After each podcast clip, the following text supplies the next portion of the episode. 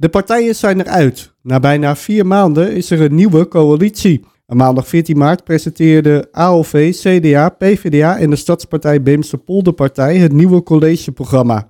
De titel Samen op koers symboliseert de samenwerking van de afgelopen jaren en de keuze om daarop voor te borduren. En Piet van Dijk, jij bent uh, politiek commentator bij RTV Purmerend. Waarom duurden die ontwikkelingen zo lang? Um, ik denk vooral omdat ze de tijd hadden. Want we hadden eerder verkiezingen dat ze dachten, nou, hè, uh, we, doen het niet zo snel. Uh, ze hadden wel van het begin gezegd dat ze de tijd voor namen. Dus er werd al gezegd, nou in december doen we al niet zoveel. Nou, dan gaat het hard. Ze hadden dan twee vakanties tussen. En ik heb ook wel begrepen dat er mm, ja, heel veel um, ja, bijeenkomsten zijn geweest met bijvoorbeeld met de ambtenaren. Om te kijken wat moet er in de toekomst gebeuren. Hè? Dus zeg maar allemaal sessies over die onderwerpen. Dus dat schijnt ook nog wat tijd te hebben geduurd.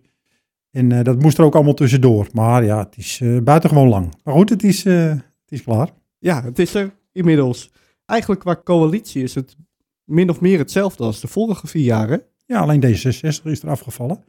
Dus men kan het met z'n vieren doen en men heeft deze keuze gemaakt. Zijn er nog verrassingen voor jou in dit coalitieakkoord? Niet echt. Hè? voor mensen zal het best belangrijk zijn dat er een buitenzwembad komt. Het was natuurlijk een van de punten van de Stadspartij. Ja, grote winnaar. Ja. En dan heb je ook het recht om dat in te brengen. En dat is in het coalitieakkoord opgenomen. Dus dat gaan we krijgen. Um, ook wel toch wel een verschuiving in uh, toekomstige bouwplannen. natuurlijk 30, 30, 40. Nou, die 30 middelduur en middeldure koop, middeldure huur, ja, die gaat naar 40. Dus die vrije sector in de toekomst die wordt lager. Wordt maar 30. En die 10% extra, dat is een beetje de vrije sector die uh, bijvoorbeeld woningbouwcorporaties gaan bouwen. Dus daar zit wat, wel, wel wat verschuiving in. Dat zal nog niet voor de plannen zijn die nou lopen, want ja, daar zullen vermoedelijk allemaal al afspraken over zijn gemaakt. Maar als men uh, de oostflank gaat ontwikkelen, dan zullen dat vermoedelijk die uh, nieuwe verdelingen zijn. Dat vind ik de grootste veranderingen. En waarom hebben ze dat gedaan? Is dat om ervoor te zorgen dat woningcorporaties wat meer geld kunnen verdienen aan projecten? Nou, woningcorporaties hebben met het college afgesproken dat ze de komende jaren een paar duizend nieuwe huurwoningen gaan bouwen in, in rond Purmerend. En zij hebben daarbij gezegd van, ja, ze kunnen ook die vrije sector nu bouwen. Misschien door dat vroeger niet kon, maar dat mag wel. En zij willen dat graag doen. En heb je natuurlijk ook de garantie dat dat niet extreem hoge huren worden. Ook al zitten ze niet meer in de sociale huursector. Dus dat is een voordeel voor de groep die uh, ja, eigenlijk niet voor de sociale huursector in aanmerking komt. Hè, en geen geld heeft of inkomen om een uh, huis te kopen. Want daar was er ook wel altijd vraag naar. Ja, dat zie je ook wel in uh, de nieuwbouw. Er is toch behoorlijk wat vrije sectorhuur. Ja, ze zijn toch allemaal vol. Maar goed, via woningbouwcorporaties zit je natuurlijk misschien op 875 of dat soort in plaats van op 12, 1300. Dus uh, ja. wat dat betreft... Uh, dat is nog wel een structureel verschil. Ja. En verder hebben we ook een nieuwe wethouder, Koen Lageveen.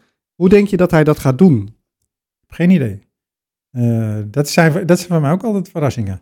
Want het is toch best wel spannend. Je komt natuurlijk toch wel met al die andere wethouders in een geoliede machine terecht. Kan ook een voordeel zijn. Betekent dat je veel steun kan krijgen.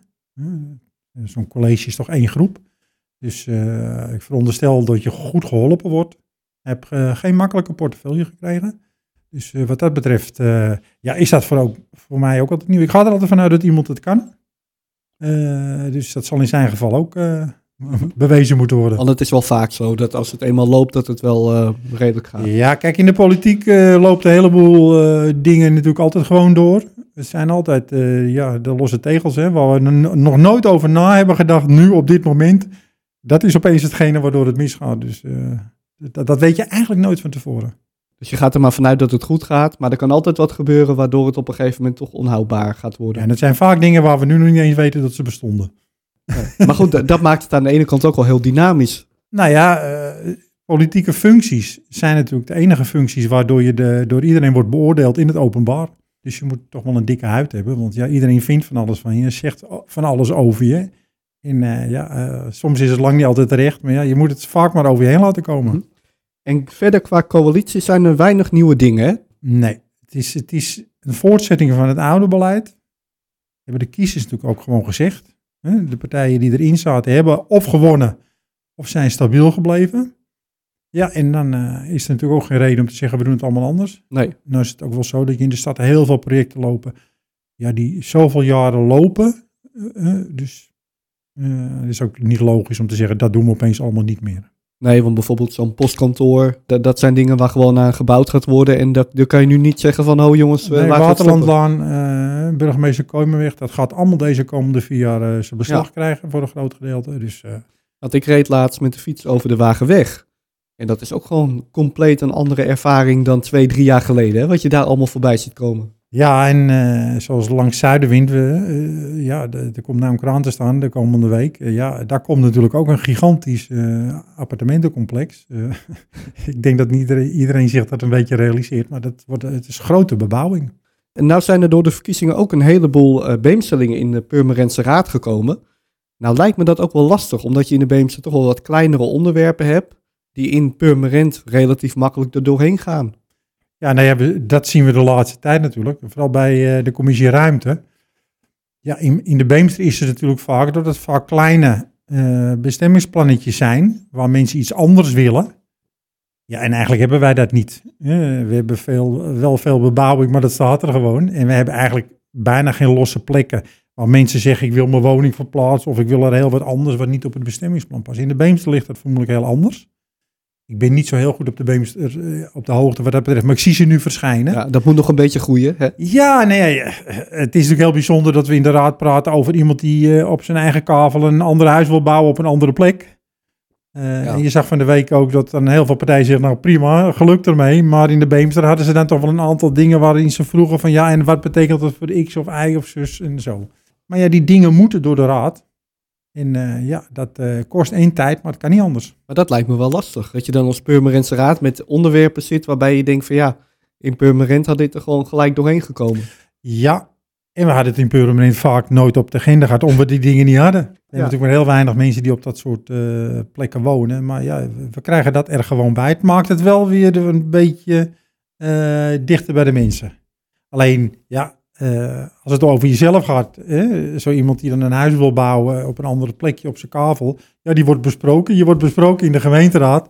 Ja, nee, goed, of je dat altijd leuk vindt, weet ik niet meer. Dat kan niet anders. Nee, en je hebt natuurlijk ook wel dat als je al jaren in zo'n raad in de Beemster zit, en je komt nu opeens in Purmerend terecht, dat je dan ook misschien wel een beetje denkt van, jee, maar wat een grote projecten allemaal en wat een grote dossiers. Ja, ja, ja, ja. En ook gewoon je beperkingen zien. Ik bedoel... Uh weet niet of Beemselingen het uh, heel leuk zouden vinden als wij ons de hele dag intensief met elk ding in de Beemster zouden doen. Moet je misschien andersom ook een beetje denken van nou, hè, uh, laten we ook vooral naar raadsleden luisteren die, daar, die daar weer wonen. Dus iedereen zal zijn weg moeten vinden. Uh, het zijn totaal verschillende dimensies. dan hebben we het nog niet eens over de oostflank, want dan heb je het gewoon over duizenden woningen. Ja. dat komt ook allemaal nog.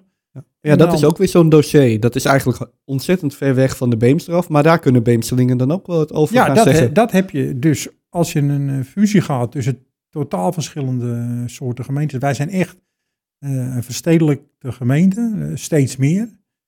mensen werken vrijwel massaal in Amsterdam of in de regio. Hè. En ja, de Beemseling is natuurlijk gewend, heel veel Beemselingen, die werken gewoon in eigen omgeving, in een agrarische sector. Er zitten ook altijd aanhangende bedrijven bij die daar uh, aan leveren. Ja, en dat is een hele andere wereld. Ja. Die zijn echt de, de, bijna de maximale contrasten. Ja, want ik denk dat veel Purmerenders door de week niet de kleur van hun deur uh, zien, zeg maar. en, en dat de, de Beemsterlingen, die komen soms dagen niet uit de Beemster. Nou ja, ja dat, is, uh, dat, ja. dat is een groot verschil. En, en de, de Beemster is natuurlijk ook heel groot. En je hebt hele grote agrarische bedrijven, dus, dus qua economische kracht is het natuurlijk, stelt het wel heel veel voor. En nou ja, het, het, maakt het wel heel bijzonder.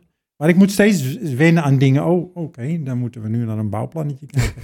ja, nee, maar het... Het, uh, het, heeft wel een bepaalde romantiek, vind ik, toch? Ja, ik heb ook de neiging om er dan langs te fietsen. Waar staat het dan? Waar is het dan? Nee, maar... Uh, ja, maar die afstanden, daar gaat natuurlijk ook wel heel veel in zitten.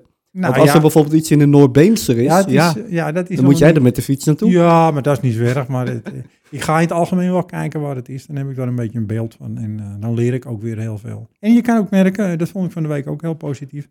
Uh, zoals Nico de Lange, kijk, die, die legt een aantal dingen op tafel. Hè. Die is van de Beemse Polderpartij. Waar je denkt van, oké, okay, zo zit het. Dus, eh, dat is een probleem op een, Ja. binnen zo'n... Die kan een bepaalde context bieden Ja. waarbij je denkt van nou het is goed dat die... eh, ja, het is goed dat het ingebracht wordt. eh, in plaats van dat we natuurlijk altijd bij alles gaan zeggen, nou prima, doe maar. Eh, Ja. eh, dus dat, die, die, dat vind ik ook waardevol. Is dat voor het college ook een lastige taak om echt alle beemstelingen er ook in te betrekken? Want als je gaat kijken, ik, ik had dat laatst toevallig met de fiets, eh, nee met de fiets, zo sportief ben ik ook weer niet, maar met de auto was ik in de Noordbeemster. En dan kijk je naar zo'n plaatsnaambord en dan is het gewoon meer dan 15 kilometer om naar Purmerend te gaan. Dan denk ik wel van ja, dat, dat is een hele lastige opdracht om er dan voor te zorgen dat die mensen zich ook een beetje betrokken voelen bij de gemeenteraad. Ja, nou, het was wel, zo dat we natuurlijk al gezamenlijk ambtenaren hadden. Dus de, voor heel veel dingen eh, hadden de Beemstelingen natuurlijk ook al contact met Purmerend. Maar ja, eh, dat, is, dat heb je met schaalvergroting. Naarmate gemeentes groter worden, en zeker bij deze combinatie, zijn er natuurlijk heel veel mensen die steeds verder weg wonen van zeg maar, het hart van de stad. Eh, bijvoorbeeld waar een gemeente zelf zit. Dan moet ik wel zeggen, kijk, eh, hoe vaak kom je bij de gemeente hè, voor je paspoort een keer en voor je rijbewijs? Hè? Eh, Ik denk eerlijk gezegd dat het de meeste mensen niet uitmaakt. Bij nee, welke dus gemeente het is niet zo. en, en als het echt om ingewikkelde dingen kom, gaan, dan hè, is het sowieso niet zo'n probleem meer als heen gaan. Dus dat valt wel mee. Maar ja, je bent onderdeel geworden van een hele andere gemeente.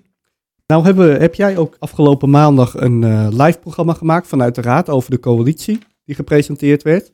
De afgelopen maanden stond nou, voor ons echt in het teken van de verkiezingen en alles daaromheen. Hebben we ook een eervolle vermelding eh, van gehad. Wat vind je daar trouwens van? Ja, dat vind ik heel leuk. Die eh, gaan we krijgen van de voorzitter van de Tweede Kamer. Dus we gaan daar geperst, gestreken en geknipt naartoe. Ja, met hoeveel mensen gaan jullie er naartoe? Eh, acht. Acht mensen. En dat gaat in een busje of hoe moet ik dat zien?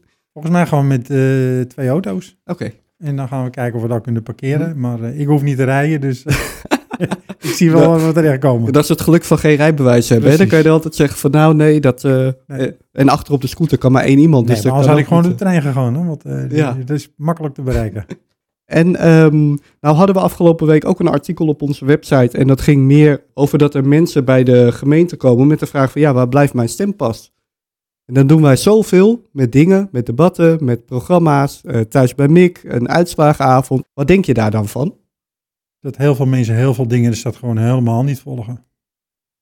En dat geldt dan niet alleen maar voor de politiek, ja? Dat, dat gewoon een hele grote groep mensen die geen idee hebben wat er allemaal gebeurt. En dat ze ook niet interesseert. En ik denk ook dat je, ja, die, is ja, dit was natuurlijk extreem, omdat er landelijk iets gebeurt dat men, maar eh, je krijgt gewoon een brief in je bus. Hè? Het zit ook niet tussen de reclame. Het is een, aan je persoonlijk, ge- het, het, het wordt ook los in je brievenbus gegooid, dus je kan hem niet missen. Dan moet je hem gewoon in de vuilnisbak gegooid hebben. En dan heb je vermoedelijk gezegd, oh die flauwekul doe ik niet aan mee. Dan gooi je hem niet weg. En dan, eh, ja, nu eh, zit je ernaast. Maar eh, we hebben huis- en huisbladen gehad, die helemaal vol stonden met advertenties. Die staat, je werd helemaal gek van de borden. En dat je dan op dat moment die denkt van, ik breng mijn stem uit, oké. Maar dat je dan niet in de gaten hebt, vier maanden later, dat is hier al geweest. Ja, ik vind het onbegrijpelijk. Maar het zegt vooral wat over de mensen die bellen hoor. Maar ze- we nou eerlijk wezen, ik mag het zo niet zeggen, maar je bent wel gewoon een sukkel. Maar zegt het ook niet wat over de partijen? Dat ze blijkbaar niet die kiezer weten te vinden. Nee, maar het zijn dezelfde mensen die nu wel wilden stemmen. En dan hadden er nog steeds dezelfde partijen geweest. We hadden nog steeds dezelfde borden gehad. We hadden nog steeds dezelfde programma's gehad. Dus daar had helemaal niks aan veranderd. Op dat moment interesseert je schijnbaar geen lor. Want je kan me niet voorstellen dat je dat niet bewust hebt weggegooid. Nee. Zo krijg je het namelijk niet in je bus. Nee, dus er is niet een taak die de regerende lokale partijen hebben gemist. Nou, kijk, ik denk dat ze het maximale gedaan hebben. Eh, losgezien van de vraag of mensen wel of niet komen, eh, het is, was bijna onmogelijk om het te missen. Kijk, je kan natuurlijk eh, al die borden, dan moet je de hele dag met je ogen dicht hebben gereden, zo ongeveer. Je kan ook zeggen, ik wil ook geen huis- en huisblad hebben. Ja? Je kan je natuurlijk van alles afsluiten. Maar dan moet je later niet klagen dat je het allemaal niet weet. Ja? Want dat is allemaal, ik heb zes, ik, ik heb zeker zes folders in mijn bus gehad. Zeker zes folders in mijn bus. En los, hè? niet tussen de reclameblaadjes. Ja, eh, en als je dan niet denkt van, nou ja, ik ga eens even gewoon kijken. Hè? Desnoods in de verkiezingskrant, hè. Wat willen die clubs allemaal? En dan kan je nog steeds zeggen, ik vind het allemaal flut, ik ga er niet heen. Maar als je nou helemaal niet eens weet dat ze er zijn en nu belt van wat blijft mijn stempas, ja, dan moet je het vooral bij jezelf zoeken hoor. En RTV Purmerend, valt die wat te verwijten? Nee, je doet het maximale.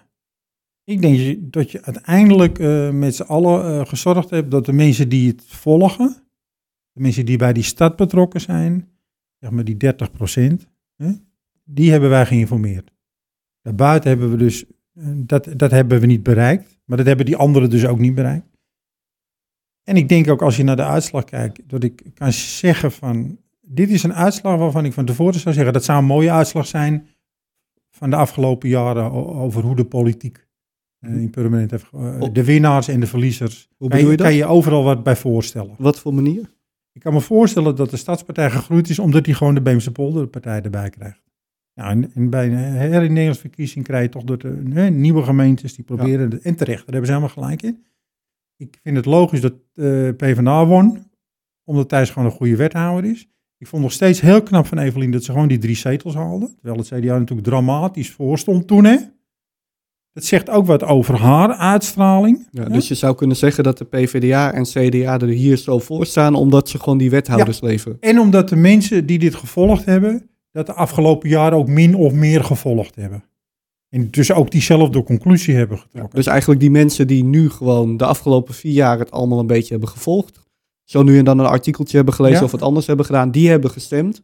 En verder Ja. zijn er minder mensen Nee, die ik denk dat, eh, als de, als de opkomst misschien hoger was, was die verhouding even anders geweest. Want dan krijg je weer andere. Ja? Mhm. En dan zie je ook dat zo'n PVV ook wegzakt. Want die hadden drie, die gaan naar twee. Omdat het landelijk, eh, die hebben dan precies hetzelfde probleem wat ze nu landelijk hadden. Forum voor Democratie.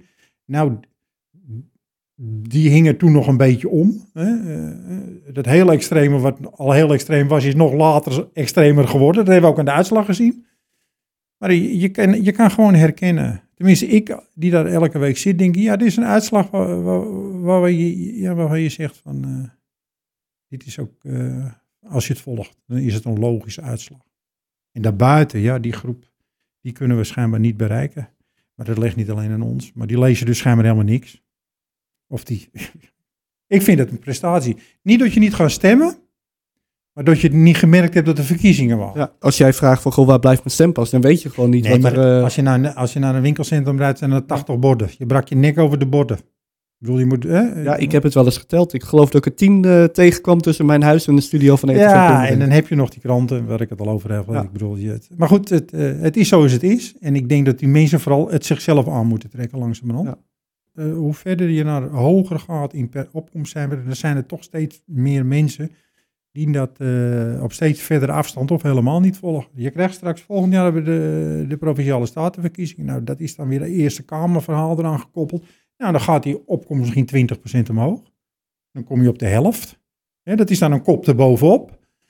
En, en dan is er ook wel weer 50% die denkt, het, terwijl je denkt van nou, dat heeft nog wat met de machtsverhoudingen te maken in het land. En zo schuift dat een beetje door. En eh, wat, je, wat je ziet, eh, ja, eh, jij bent natuurlijk in Edam-Volendam geweest. Ja, daar is echt een onderlinge strijd. Maar dat hebben zij al jaren met die lokale partijen. En dan krijg je een wat hogere opkomst. Nou, wat ik daar vooral heel interessant vond, dat je nu in de gemeenteraad in Purmerend vooral ziet dat er ook wel een flink aantal Beemsterlingen zitten. Zeker als je dat gaat verhouden met goh, hoeveel mensen wonen er eigenlijk in de Beemster en hoeveel in Purmerend. En dat had je ook al in de gemeenteraad in Edam-Volendam. En toen was ik ook wel benieuwd ernaar van goh, als je dan weer verkiezingen hebt, hoe gaat het dan met die personen uit de zeevang? En dat houdt nu wel redelijk stand. Dus dat zij ook na zeven jaar nog zeggen van wij stemmen op mensen uit de zeevang. Ja, nee, maar zij hebben een- altijd een apart. Het Belang is natuurlijk altijd een lokale aparte partij geweest. Die was eigenlijk al gevestigd.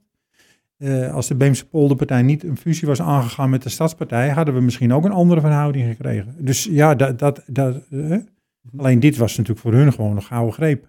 Gewoon die combinatie eh, levert je negen zetels op en niet zes en drie. Dus noem maar wat. Maar was het een gouden greep voor de Stadspartij of meer voor de Beemster Polderpartij? Ik denk voor allebei. Ik denk voor allebei. Kijk, als de Beemse Polderpartij bijvoorbeeld die drie zetels had gehaald, hè, als dat gelukt was, ja, dan, dan ben, je- heb je, heb je nog, ben je nog steeds geen machtfactor. Er zijn nog steeds allerlei combinaties mogelijk. En nu ben je gewoon één, ben je binnen de Stadspartij en de Beemse negen zetels, dan ben je gewoon een hele grote machtfactor. Dan ben je gewoon één blok waar eigenlijk heel veel van af gaat hangen. Ja, nou, dan heb je ook rechten.